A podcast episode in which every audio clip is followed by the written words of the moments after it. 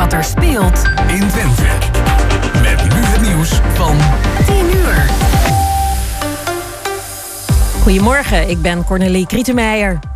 Opnieuw is het klimaatactivisten gelukt om in een boom te klimmen in het Sterrenbos bij de Netcarfabriek in Born. Ze wisten door de beveiliging heen te breken. Vijftien andere actievoerders zijn opgepakt. Er zitten er nu negen in een boom. Ze willen niet dat het bos wordt gekapt om de autofabriek uit te breiden. Bij een auto-ongeluk in Deventer is vannacht een jongen van 17 omgekomen. Hij zat in de auto met nog twee andere jongens van 18, onder wie de bestuurder. Zij raakten allebei gewond. Door nog onbekende oorzaak raakte de auto van de weg en botste tegen een boom. Onderzocht wordt of er alcohol in het spel was. Het Marokkaanse jongetje van vijf dat al dagen in een tientallen meters diepe put vastzit, is nog niet gered. Reddingswerkers zijn al wel vlakbij hem, maar juist die laatste meters die nog gegraven moeten worden zijn riskant. De boel kan makkelijk instorten. Het is niet duidelijk of het jongetje nog leeft. En op de winterspelen in China is schaatster Carlijn Achterreekte haar Olympische titel op de 3000 meter kwijt. De kampioene van de Spelen van vier jaar geleden verloor in een direct duel van haar Japanse tegenstandster. Op de 3000 meter komen ook nog Antoinette de Jong en Irene Schouten in actie. En dan nu het weer van Weer.nl. Zon en wolken wisselen elkaar af vandaag. Tot in de avond blijft het droog en het wordt 7 tot 9 graden. En tot zover het ANP-nieuws.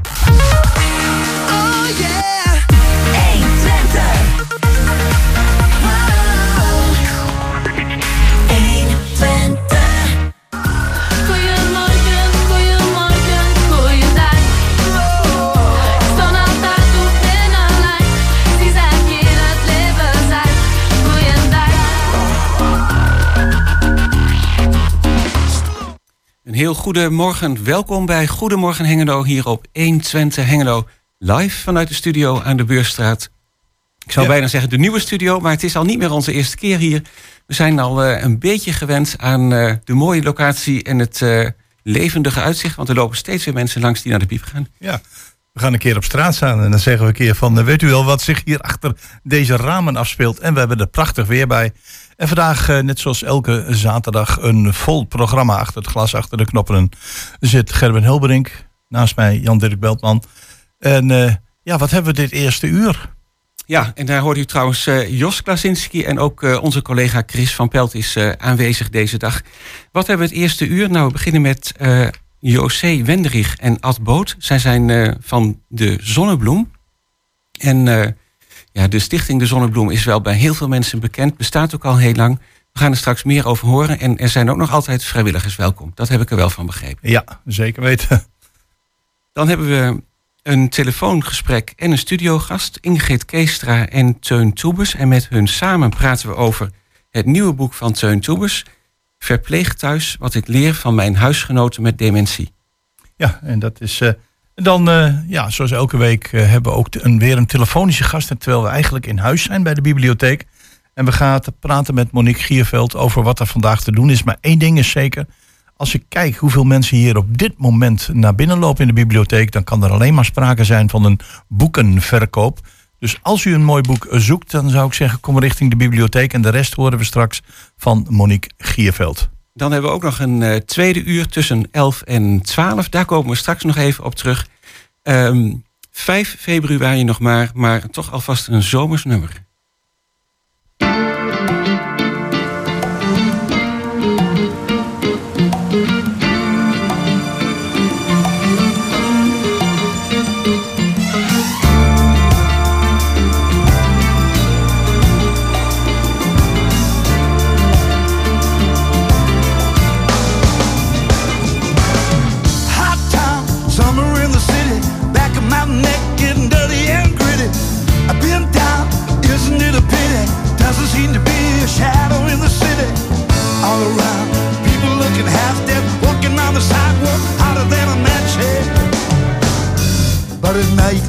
Different world.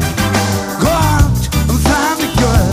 Come on, come on, and dance all night. Despite the heat, it will be alright. And baby, don't you know it's a pity the days can be like the night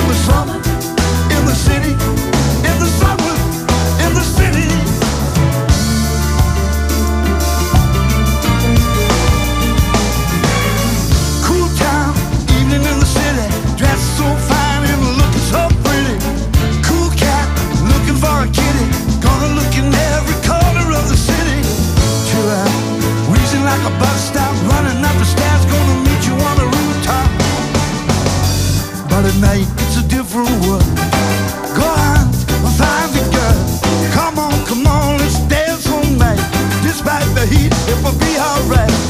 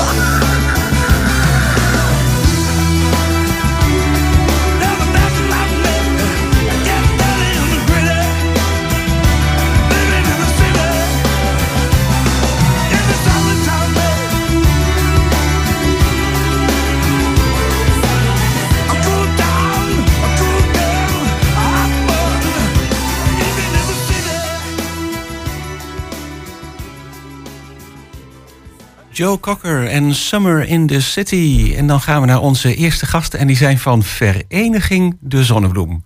Ja, als je mensen een plezierige dag wilt eh, bezorgen, dan eh, doe je dat natuurlijk liefst door iets met deze mensen te ondernemen.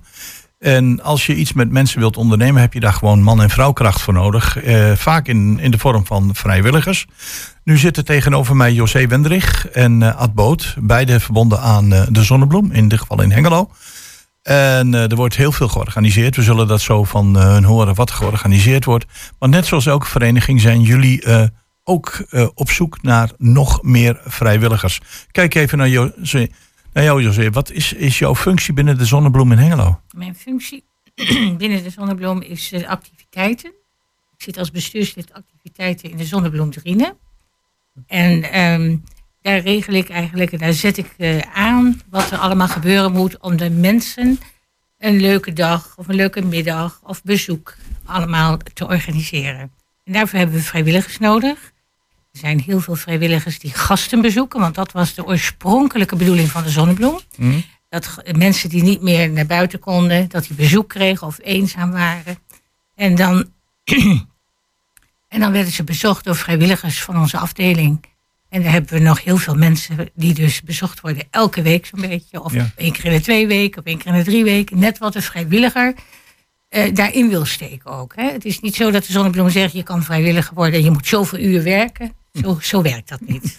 Nee, want het, het, het is en blijft eh, vrijwilligerswerk natuurlijk. Ja, zeker. En iets wat ik me altijd afvraag, dat vraag ik me af bij mantelzorgers, dat vraag ik me af bij mensen die door de Zonnebloem vrijwilligers worden eh, bezocht.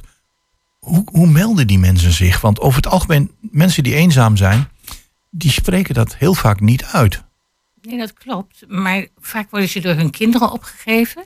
Wijkracht stuurt mensen door naar ons. En dan gaat onze bezoekgast die gaat dus bij de mensen op bezoek en vragen wat ze van ons verwachten, wat ze graag willen. En zo komen die contacten tot stand via huisartsen. Allerlei organisaties die sturen de mensen dus naar de Zonnebloem of in ieder geval naar de eh, secretaresse van de Zonnebloem. En dan pakken wij dat op. En in Breda, waar de vereniging dus eigenlijk zit, daar krijgen ze ook meldingen binnen. En dan eh, soms is er een vrijwilligersbeurs in Hengelo. Daar melden mensen zich dan ook aan. En zo gaat het verder. Ah, oké. Nou, duidelijk. En als Boots, ja, we vroegen net aan José, wat is jouw functie? En wat is dan jouw functie binnen de Zonnebloem? Ja, mijn functie is eh, bestuurslid activiteiten van de regio Hengelo. Ja? En ik heb ook een tijdje nog even voorzitter waargenomen in de afdeling Drienen. Maar daar ben ik inmiddels eh, mee gestopt. Oké. Maar desondanks eh, natuurlijk een eh, ja, nauwe binding met alle afdelingen. En met z'n allen zorgen dat dat zo goed mogelijk loopt. En eventjes voor de duidelijkheid, de regio Hengelo, daar bedoel je dus Hengelo, de gemeente Hengelo mee? Ja, gemeente Hengelo met Deurningen. Bij Ja? elkaar hebben we zes afdelingen. Elke afdeling met een eigen bestuur.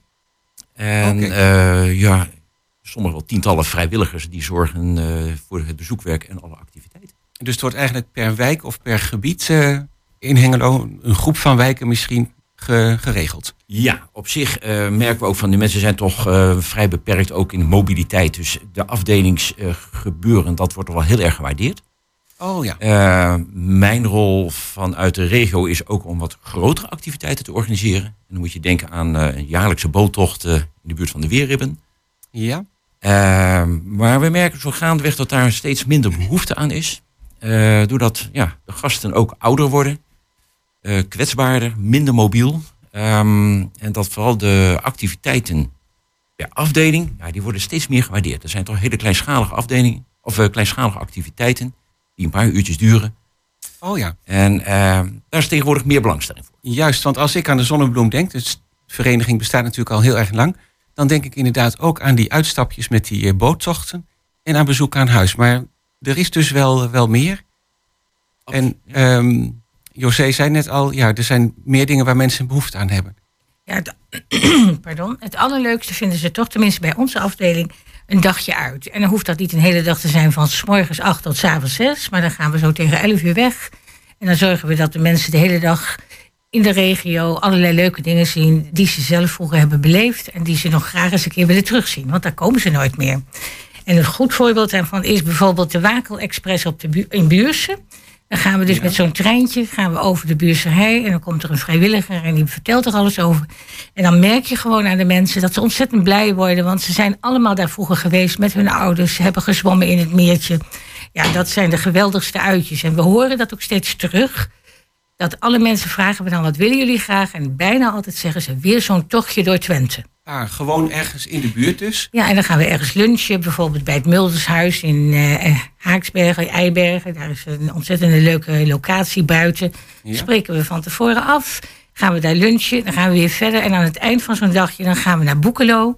In de Boekelo is de ijskraam en dan gaan we een ijsje eten. Gewoon een likijsje. En dan zijn ze weer helemaal gelukkig en blij. Oké, ja, gewoon een gezellige dag eh, dicht bij Ja. huis uit dus. Ja. En hoe groot is dan ongeveer zo'n groep?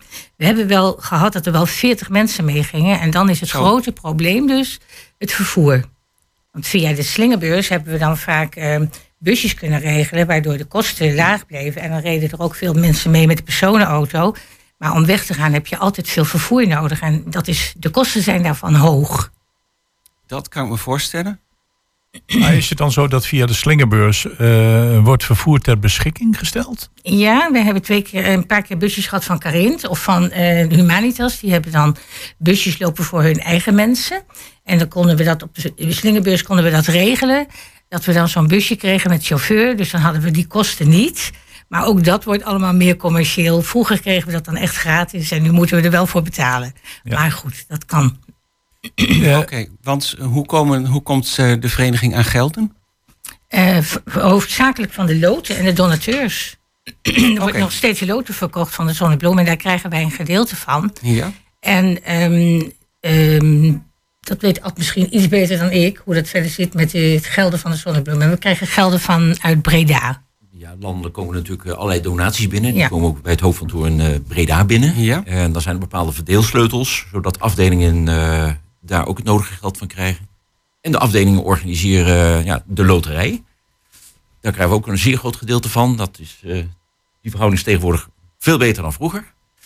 Eh, en daarnaast worden ook sponsoren gevraagd om gewoon in Natura dingen ter beschikking te stellen. ja, zoals net al even het voorbeeld van eh, vervoer. Ja. Bijvoorbeeld. Ja. Oké. Ja. En de Ja, mensen betalen ook zelf, hè? We hebben, we hebben gehoord hoe ontzettend veel jullie organiseren, hoe blij mensen ervan worden, hoe de middelen binnenkomen.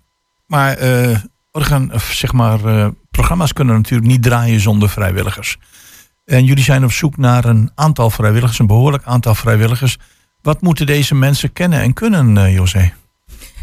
Ehm, we zijn eigenlijk op zoek naar bestuursleden. Dat is het allerbelangrijkste. Want mensen willen wel graag vrijwilliger worden, maar niet een taak hebben als een bestuurslid. Dus dat is prioriteit één. Wauw. Ja. en onze vrijwilligers, die worden eerst bezocht dan door de bezoeker, de bezoeker van de Zonnebloem. Die gaat kijken of de vrijwilliger geschikt is. En dat bedoel ik niet mee van. Daar bedoel ik eigenlijk mee dat ze eh, feeling hebben met, wat, met mensen, dat ze ermee om kunnen gaan. En dan gaan ze met, een, met iemand van onze afdeling op bezoek bij de gast.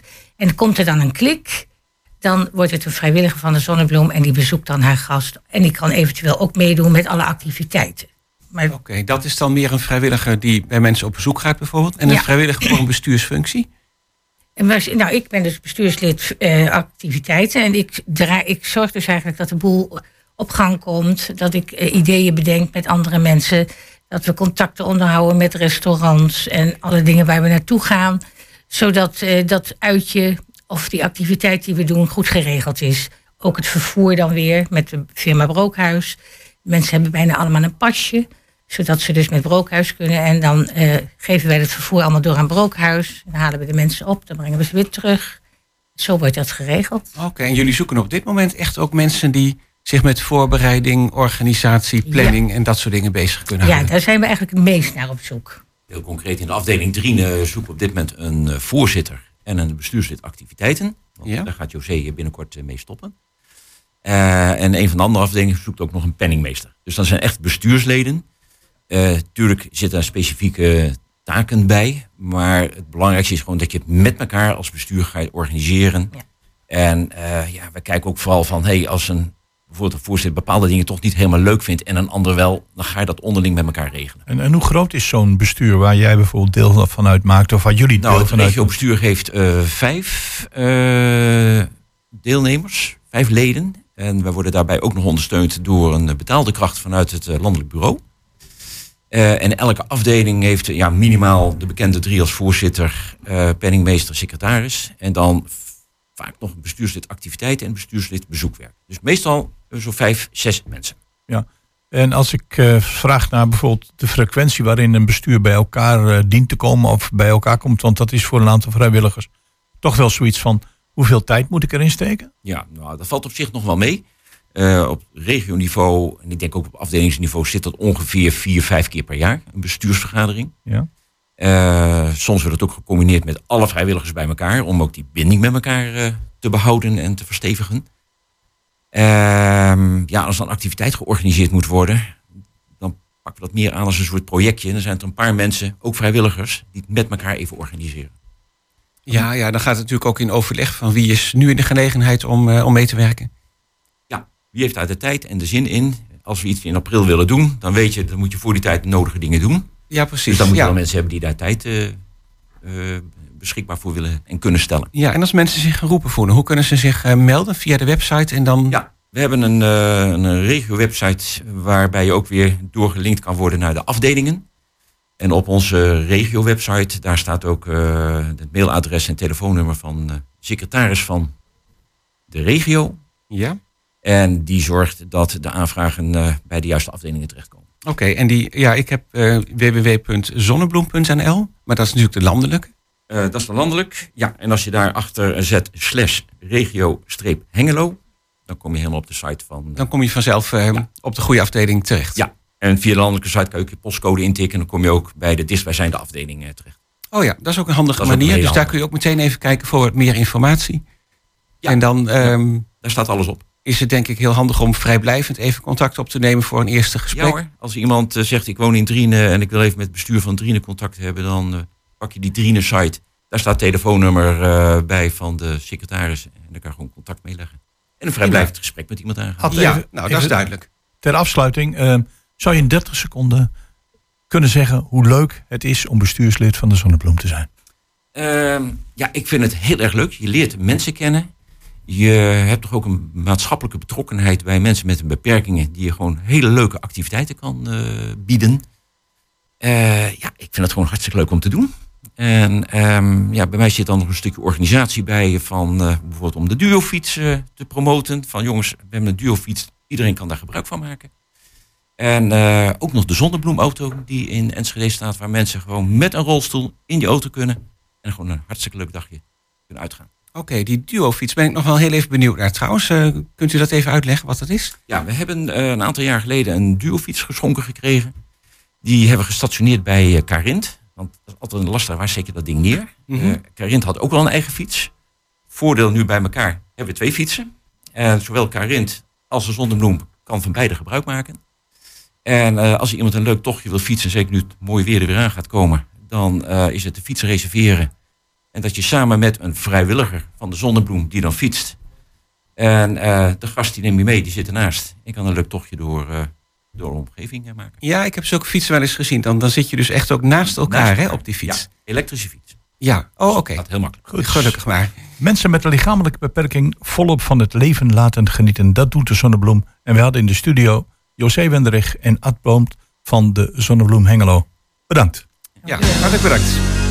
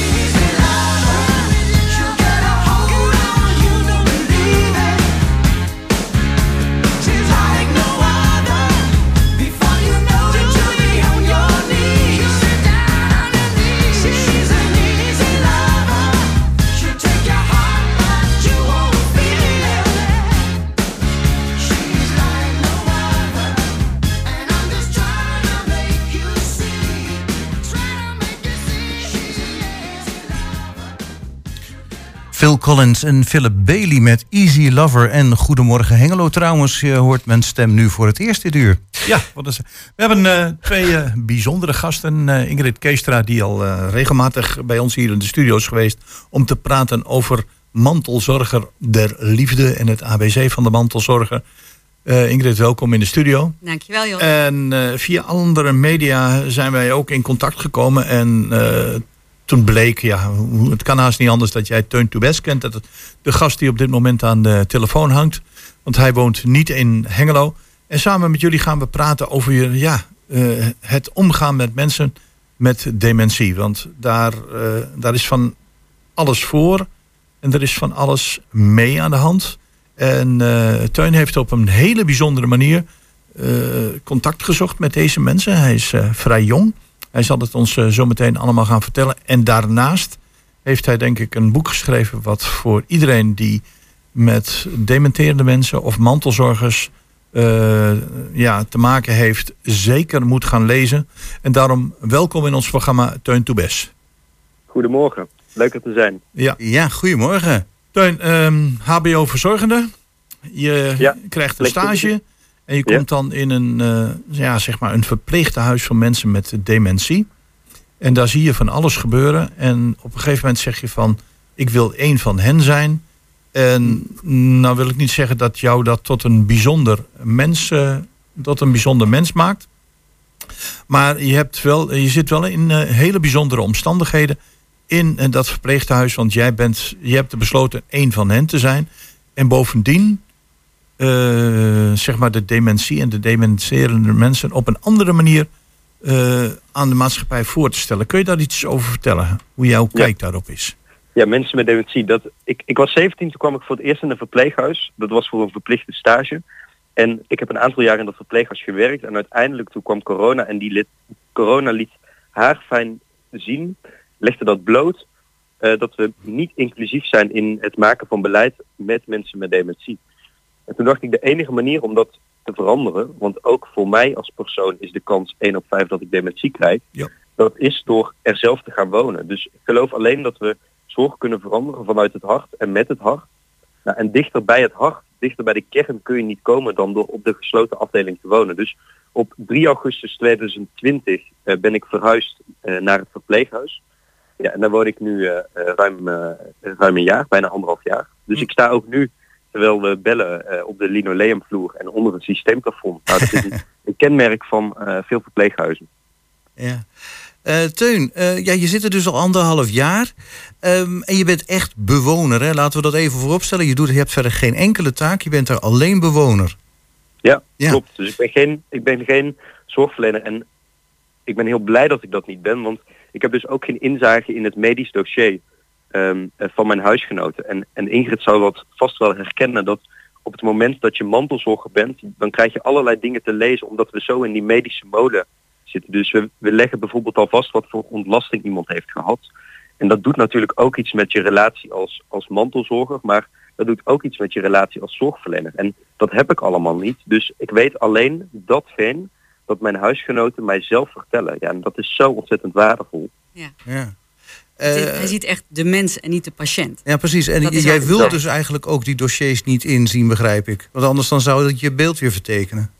Nee, mijn, mijn kern in alles wat ik doe is gelijkwaardigheid. Dus ik wil op zoveel mogelijk manieren gelijkwaardig zijn met mijn huisgenoten. En op het moment dat ik al hun momenten van instabiliteit kan lezen in een dossier, dan is dat niet gelijkwaardig. Want dat zou ik ook niet van jou kunnen, zou ik ook niet van Ingrid kunnen. Mhm. En dat probeer ik nu ehm, met name te doen. Dat we dat leven in, met dementie, het leven in een verpleeghuis gaan normaliseren.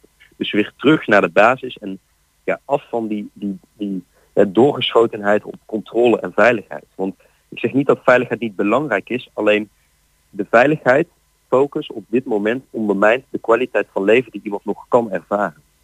Ja, dat is een hele duidelijke. Maar inderdaad, even terugkomen op veiligheid. Ik had het er net met Ingrid over. Eh, ja, eh, de mensen kunnen niet zomaar het, het huis uit, want ja, ze lopen weg en met dit en met dat. Ehm, je moet natuurlijk wel grenzen stellen. Maar waar leg jij die grenzen dan? Nou, waar ik de grens leg, is we, het, het, het- waar ik de grens leg, is dat we op dit moment zo'n enorme eenheidsworst zijn, dat op het moment dat er een keer een incident gebeurt, dat we dan verwachten dat er vanuit Den Haag een collectieve maatregel komt die dat voor het vervolg onmogelijk maakt dat zo'n incident nog een keer gebeurt. Maar laten we ook dat normaliseren. Dus op het moment dat mensen met dementie weglopen, er zijn zoveel alternatieven die laten zien dat gesloten afdelingen niet nodig zijn, dat het anders kan. En dan nog, op het moment dat er in Nederland een, een, een aantal incidenten gebeuren op jaarbasis. En in het ergste geval komen mensen te overlijden.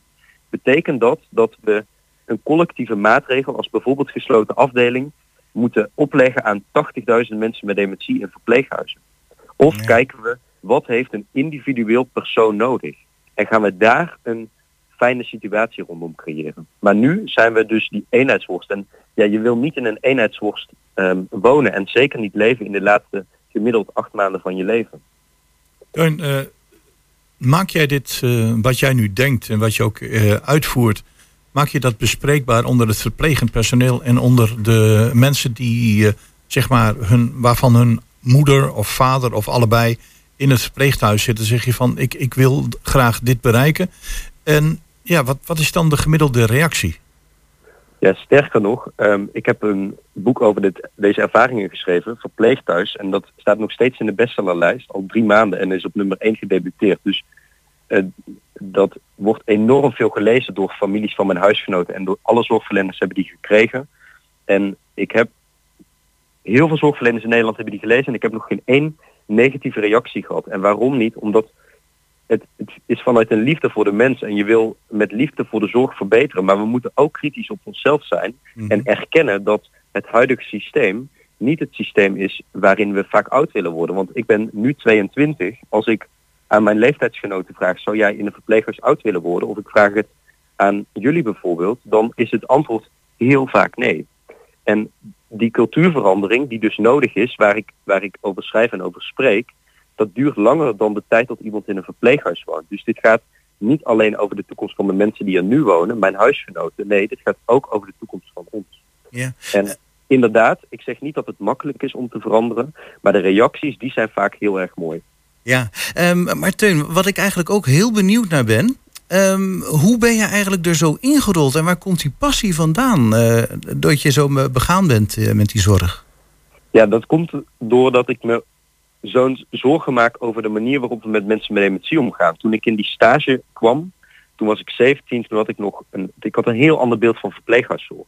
Ik had een heel ander beeld van werken in de zorg. En die realiteit stond zo haaks op datgene dat ik belangrijk vond als jonge zorgverlener. Namelijk dat contact met mensen, die medemenselijkheid. En ik geloof erin dat iedere zorgverlener daarom de zorg in gaat. Alleen hoe kan het dan dat zoveel zorgverleners het gevoel hebben dat ook zij ehm, gevangen zitten in een systeem? En dat zitten we in feite ook. Maar daarbij moeten we wel beseffen dat we dat systeem zelf hebben gevormd. Dus dat kunnen we ook zelf veranderen. En dat besef, dat we dat nu kunnen veranderen, ja, dat maakt dat je iedere dag opnieuw gesterkt wordt. En als, als ik dan even die moed verlies, want ook dat is soms eenzaam of moeilijk, dan houden mijn huisgenoten eh, mij scherp. Want als ik dan voetbal kijk met mijn huisgenoot Ad, dan ehm, word ik weer helemaal ehm, teruggebracht naar waar het om gaat. En dan kom je er dus achter dat het niet ligt aan een nieuwe strategische koers in een beleidstuk of aan een, een, een nieuwe ehm, dure benadering. Eh, nee, dan gaat het over de meest kleine dingen. En ik weet zeker dat, dat Ingrid dat zal herkennen. Want ook in het contact als mantelzorger zijn die kleine dingen het allerbelangrijkste. Ingrid, je, je hebt het boek eh, Mantelzorger de Liefde, onder andere het boek Mantelzorger de Liefde geschreven. Ja. Zijn er parallellen te ontdekken in eh, jouw manier van eh, denken over het omgaan met eh, mensen met Ja, zeker, dementie? ja, ja, en nee. een tuin, want kijk, het is heel bijzonder om te zeggen van ik heb een moeder die is dementerend en jouw moeder leeft, leeft niet meer.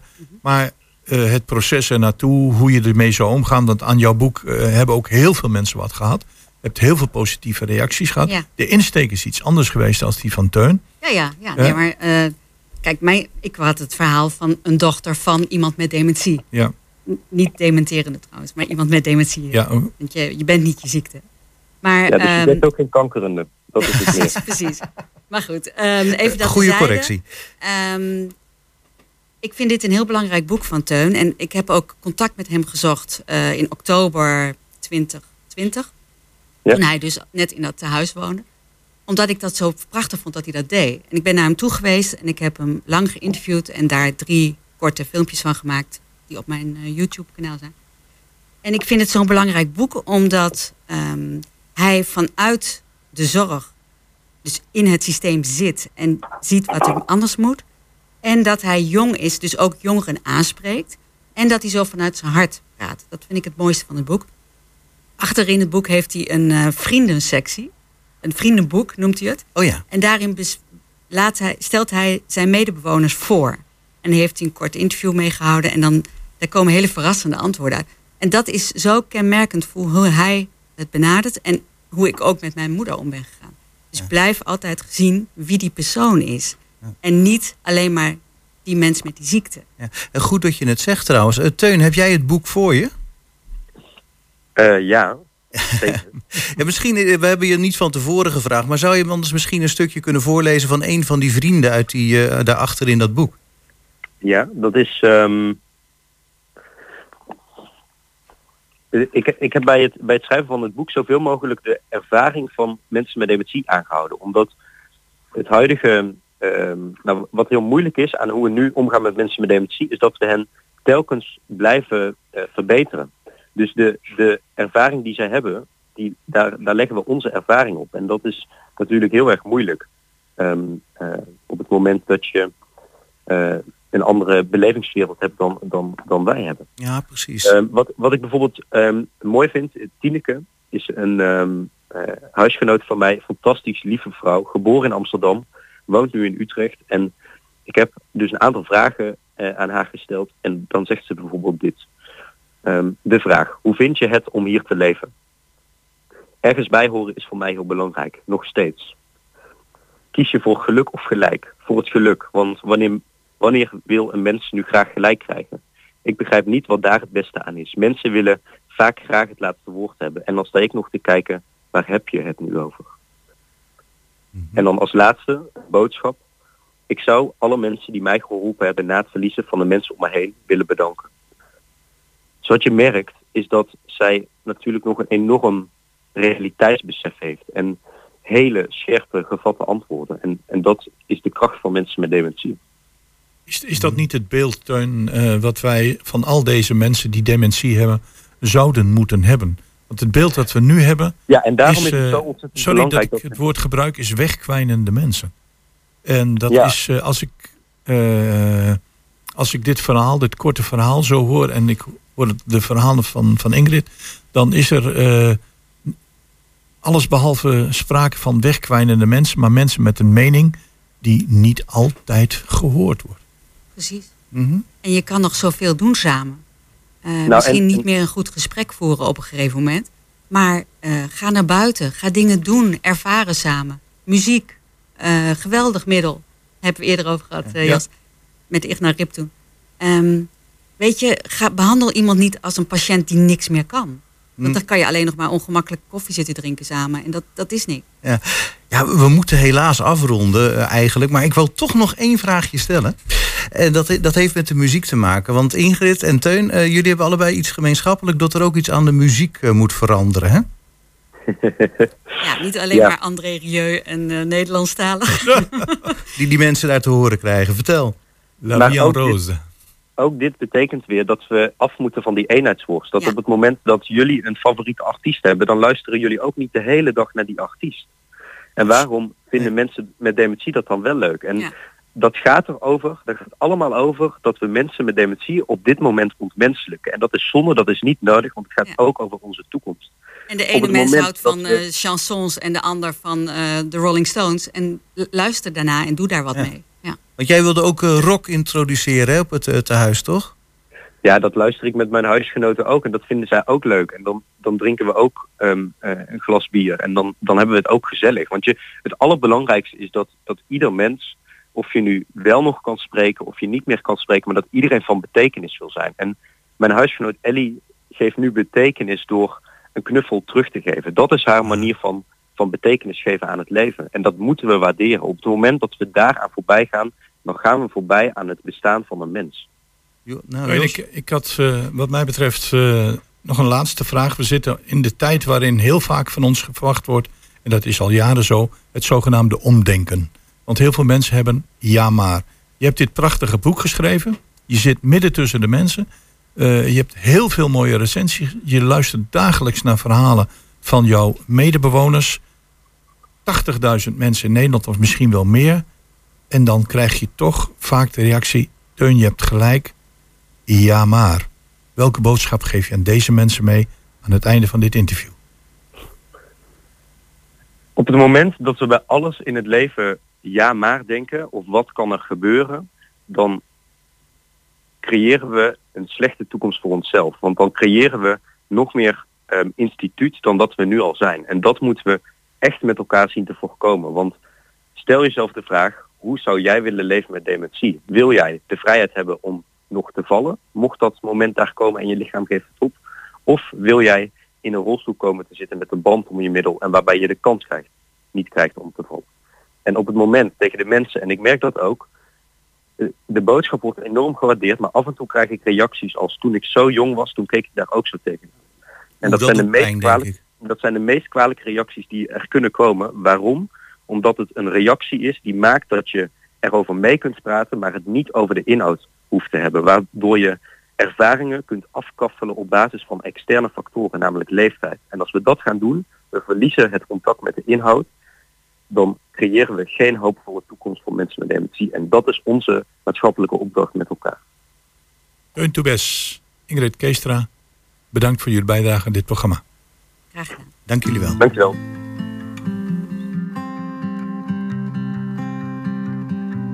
Gisteren zat ik hier met een vriend. We hadden het over toen ik jou verliet. Al best lang geleden, toch te lang gewacht. We hadden het over je ziel en je kracht. Hoe jij dat zo zag dan, hoe jij je gedroeg. Nee, voor jou was er nooit iemand genoeg. Jij was het speciaals, deed nog nooit iets verkeerd. Met gesloten ogen bekeek ik het weer. Hoe ik toen een meisje was, jij een vreselijke droom. Had mezelf het gezegd en mezelf het beloofd. Had het afgesloten, weg met verdriet. En ik zou het vergeten, maar het lukt me weer niet. Want de pijn die blijft, het zit dieper dan dat. Ik zou doen, zodat ik je woorden vergat. Want dat klote gevoel dat toen is ontstaan, dat gaat nooit meer weg. En dat heb jij gedaan.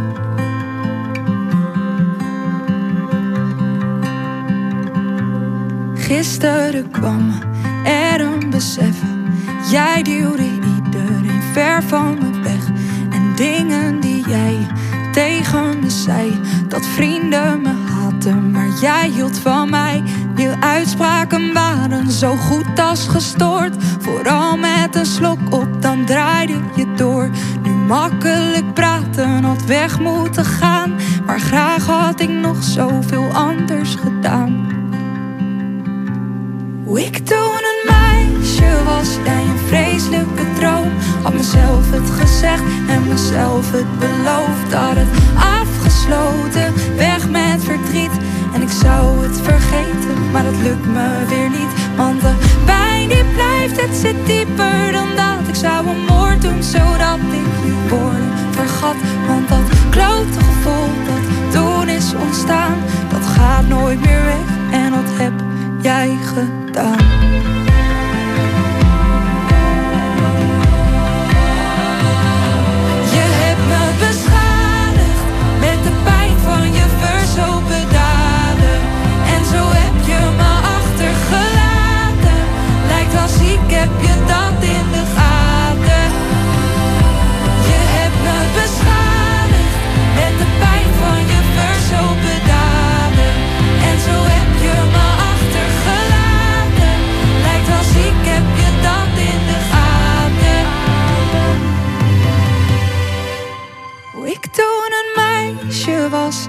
Vreselijke droom. Had mezelf het gezegd en mezelf het beloofd. Had het afgesloten, weg met verdriet. En ik zou het vergeten, maar het lukt me weer niet. Want de pijn die blijft, het zit dieper dan dat. Ik zou een moord doen zodat ik je woorden vergat. Want dat klote gevoel dat toen is ontstaan, dat gaat nooit meer weg. En dat heb jij gedaan. Ja. Stromae heeft een prachtige hit geschreven in België. Stond op nummer 1. En wat denk je? Mo komt eraan met eh, Dat heb jij gedaan. En die heeft Stromae van de nummer 1 positie verstoten met de, dus Dat heb jij gedaan van Mo. En daar waren de Belgen niet zo blij mee. Maar het is ook wel een heel mooi nummer. Ah wel, daar zullen ze zeker en vast ook van gaan genieten. Vast en zeker, ja. Eh, onze volgende gast hebben we aan de telefoon en dat is Monique Gierveld van de Bibliotheek Hengelo. Goedemorgen, Monique. Goedemorgen, dag. Ja, welkom eh, weer in de uitzending. We zitten dichtbij. We hebben al gezien dat het eh, lekker druk is bij jullie. Eh, maar misschien bel je zelf wel vanuit huis. Ik bel vanuit huis, ja, dat Oké, klopt. nou dan kunnen we jou vertellen dat het eh, best lekker druk is in de bibliotheek. Er is natuurlijk eh, een boekenverkoop, zag ik net voor de uitzending al eventjes. Klopt. Oh ja, ja, klopt. Want Ja. ehm, hoe gaat dat in zijn werk? Eén keer in de zoveel tijd worden er eh, afgeschreven boeken. En het waren er niet weinig. ehm, uitgezocht en verkocht. Ja, dat klopt. Wat er gebeurd is, dat ik denk, ik, ja, ik schat in een een keer of vier per jaar, hangt een beetje af van de hoeveelheid boeken die we afschrijven. Ehm, dan eh, doen we ze eh, in de verkoop, ja. En dan gaat het om boeken die ehm, ja, eigenlijk ehm, ja, zo vaak uitgeleend zijn dat we vinden dat ze uit de collectie moeten. We willen graag een aantrekkelijke collectie houden. Het kan ook gaan om boeken die, eh, waarvan een uh, herziene druk is verschenen waardoor de informatie wat verouderd is, waardoor we vinden dat we dat ook niet meer aan kunnen bieden.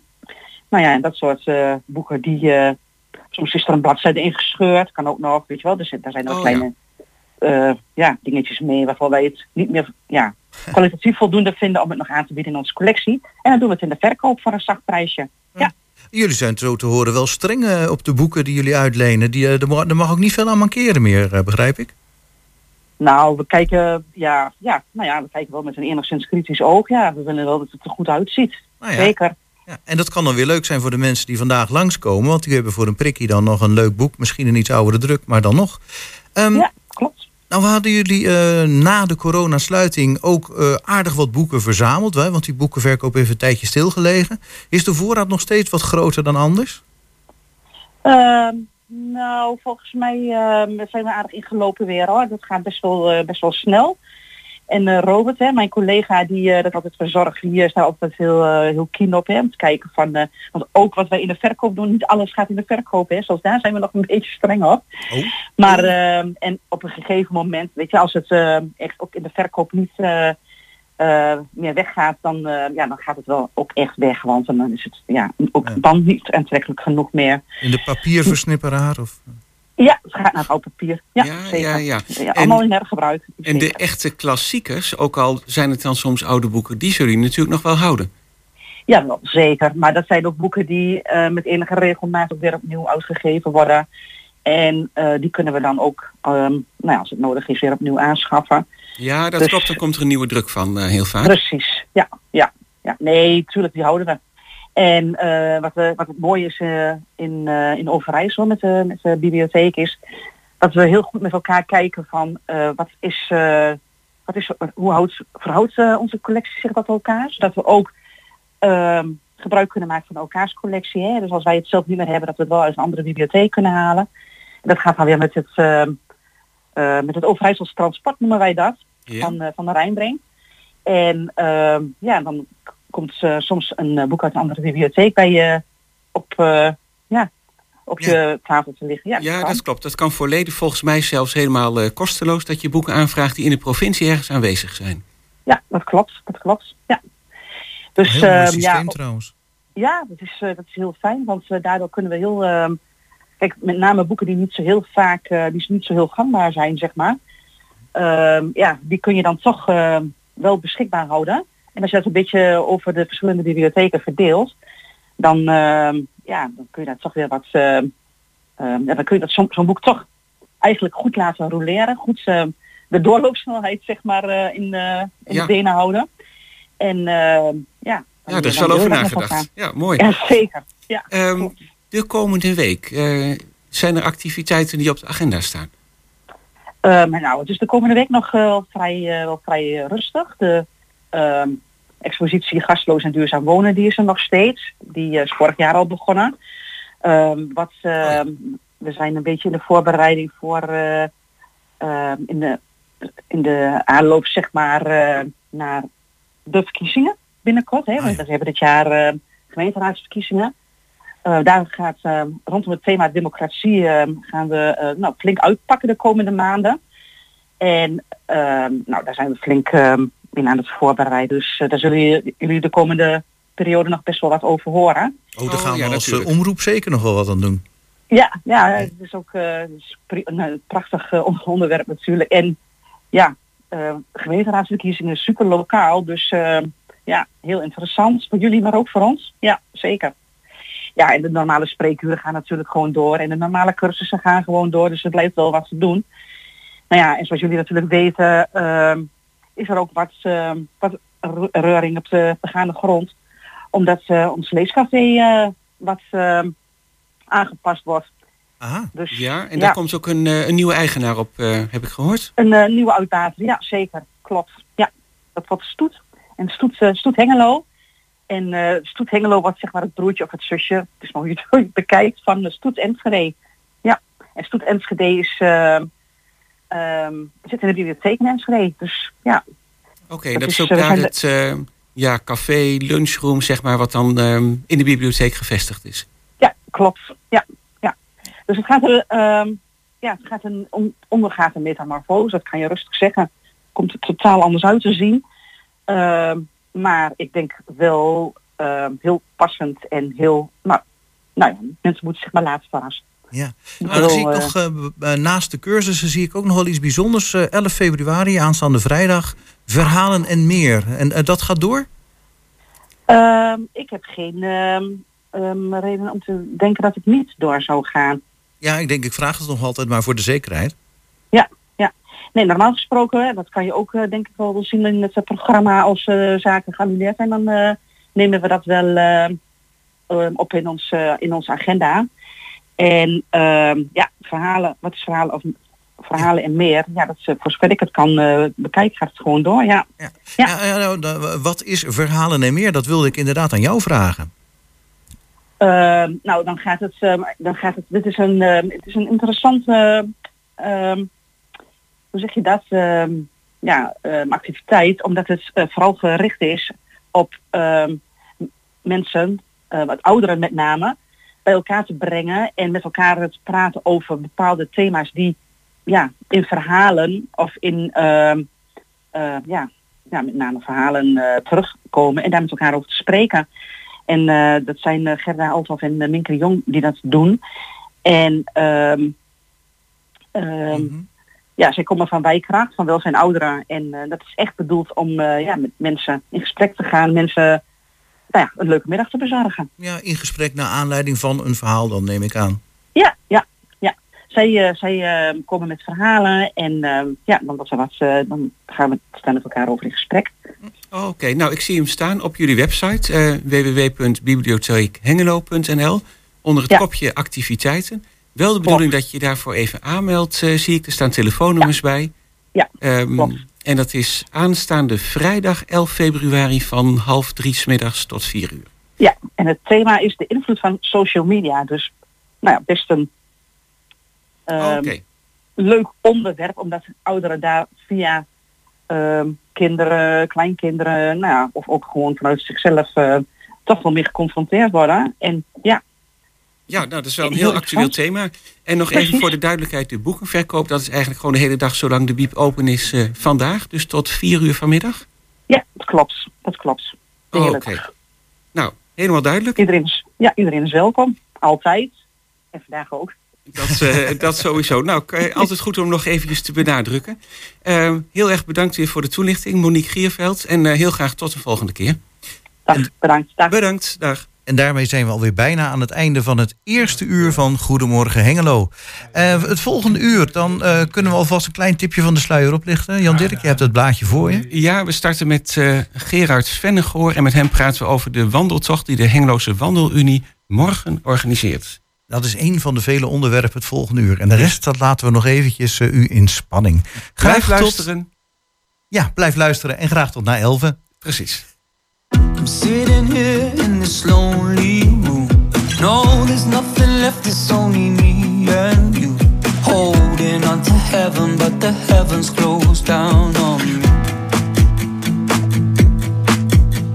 Nothing lasts forever, nothing goes to plan. Don't you lose your grip, be letting go of my hand. Cause every single second is a second that we can't get back.